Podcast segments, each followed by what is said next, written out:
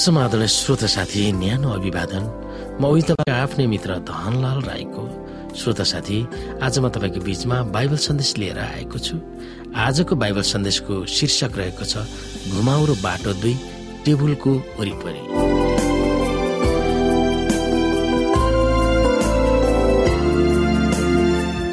श्रोता मेरा शत्रुहरूका सामान्य तपाईँले मेरो निम्ति भोज तयार पार्नुहुन्छ। तपाईँले मेरो शिर तेलले अभिषेक गर्नुहुन्छ।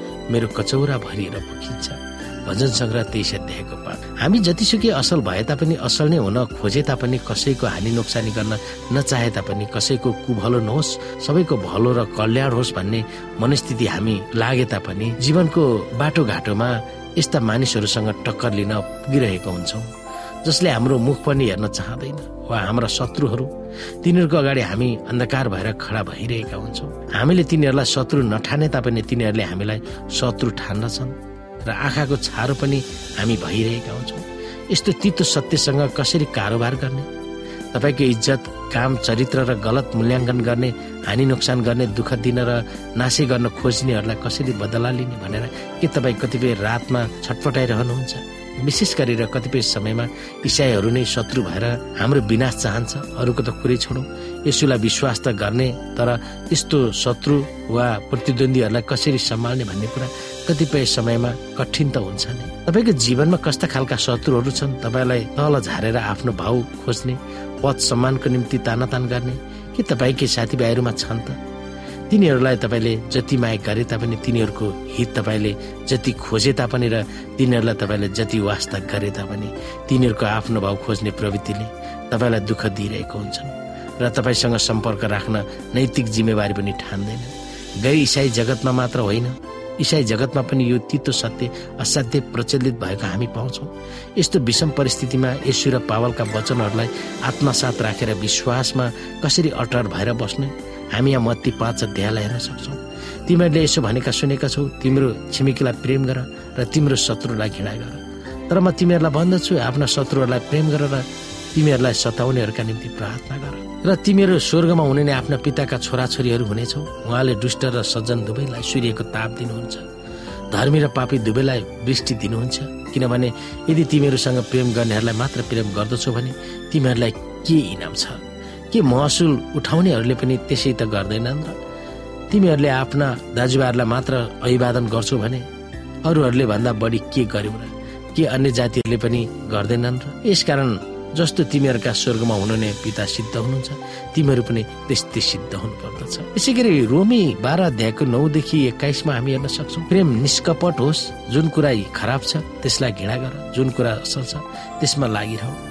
भातृ प्रेमसँग एकअर्कालाई प्रेम गर आफूलाई भन्दा बढी अरूलाई आदर गर। जोसमा पछि नहट पवित्र आत्मामा प्रज्वलित हो प्रभुको सेवा गर्दै रह। आफ्नो आशामा आनन्द गर सङ्कटमा धैर्य धारण गर प्रार्थनामा निरन्तर लागिरह सन्तहरूको खाँचोमा सहायता दियो अतिथि सत्कार कायम राख तिमीहरूको खेद गर्नेहरूलाई आशीर्वाद दियो नसराप आनन्द गर्नेहरूसँग आनन्द गर रुनेहरूसँग रो एकअर्कासँग मिलेर बस। अभिमानी नहो तर नम्रहरूसँग सङ्गत गर। कहिल्यै अहङ्कारी नहो कसैलाई खराबको सट्टा खराब नगर। जुन कुरा सबै मानिसहरूको दृष्टिमा आदरणीय छ तिनमा ध्यान दियो। हुनसक्छ भने सकेसम्म सबैसँग शान्तिमा बस।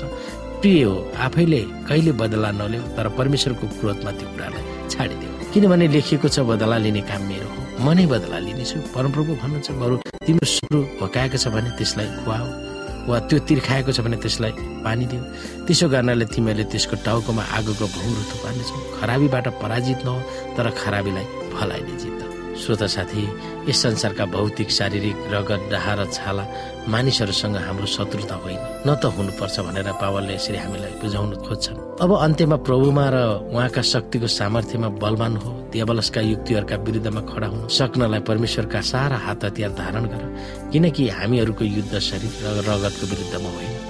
तर प्रधानताका विरुद्ध शक्तिहरूका विरुद्ध वर्तमान अन्धकारका सांसारिक शासकहरूका विरुद्ध र स्वर्गीय स्थानहरूमा भएका दुष्ट्याहरूका आत्मिक सेनाहरूका विरुद्धमा हो। यसै कारण परमेश्वरका सारा हात हतियार उठाऊ र यसरी खराब दिनको सामना गर्न सक र सबै काम सकेर खडा हुन सक्ने हो। यसकारण आफ्ना कम्मर सत्यले कसेर धार्मिकताको छाती पाता लाएर खडा हो र खुट्टामा मिलापको सुसमाचारका जुत्ता लाएर तयार हो साथै मिजाजको ढाल उठाऊ जसबाट तिमीहरू दुष्टका सबै अग्निबाण निभाउन सक्नेछौ। मुक्तिको तोप लगाओ र पवित्र आत्माको तरबार ल्याऊ जो चाहिँ परमेश्वरको वचन हो सारा प्रार्थना र निवेदन साथ सब समय पवित्र आत्मामा प्रार्थना गर। यस उद्देश्यले लगनशील र सतर्क भएर सबै सन्तहरूका निम्ति प्रार्थना गरेर हामीले देखेका वा नदेखेका मानिसहरू हाम्रो शत्रु हुन सक्छन्। मन परे पनि नपरे तापनि तिनीहरू हाम्रा वरिपरि छरछिमेकी वरपर अझै चर्चमै पनि हुन सक्छ यद्यपि जब हामी गोठालाको साथमा हिँड्छौँ तर देखेको वा नदेखेको शत्रु जोसुकै होस् प्रभुले उपलब्ध गराउनु भएको आशिषहरूबाट त्यसले लुटेर लाग्न सक्दैन शत्रुहरूको माझमा तपाईँलाई तहस नहस गर्न चाहने इष्टमित्रहरू नै किन नहो त्यस बेला प्रभु तपाईँको सामु कस्तो गोठालो भएर उभिरहनु भएको अनुभव तपाईँले गर्नुभएको थियो। कि सोच्नुहोस् ती परिस्थितिलाई मनन गर्दा जुनसुकै कठिन परिस्थिति वा समस्याहरू तपाईँ भोग्न तपाईँमा खुबी वा कला हुन सक्छ। त्यसको निम्ति प्रभुलाई धन्यवाद दिनुपर्दछ।